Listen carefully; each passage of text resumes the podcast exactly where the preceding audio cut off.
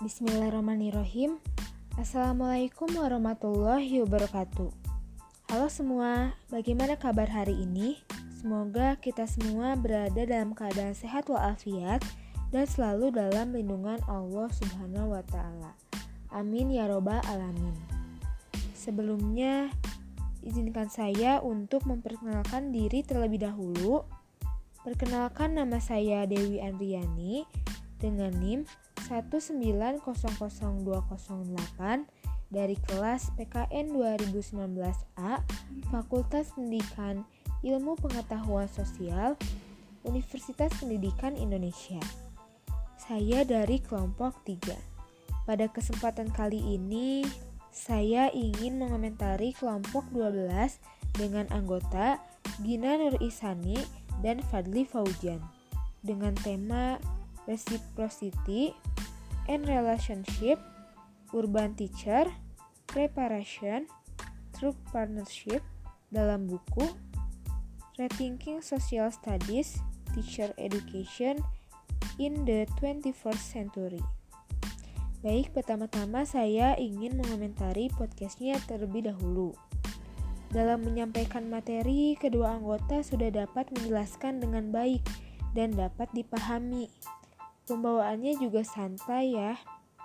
Namun, masukan dari saya, alangkah lebih baik lagi jika ketika berbicara, headsetnya jangan terlalu dekat dengan mulut, sehingga tidak terlalu berdengung.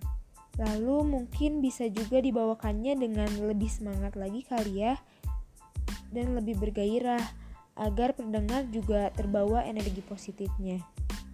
Untuk PowerPoint-nya sendiri sudah bagus dalam segi desain.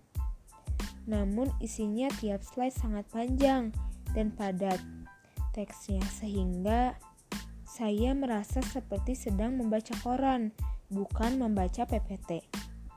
Mungkin bisa lebih diringkas lagi dan dibuat poin per kalimat yang penting-pentingnya saja.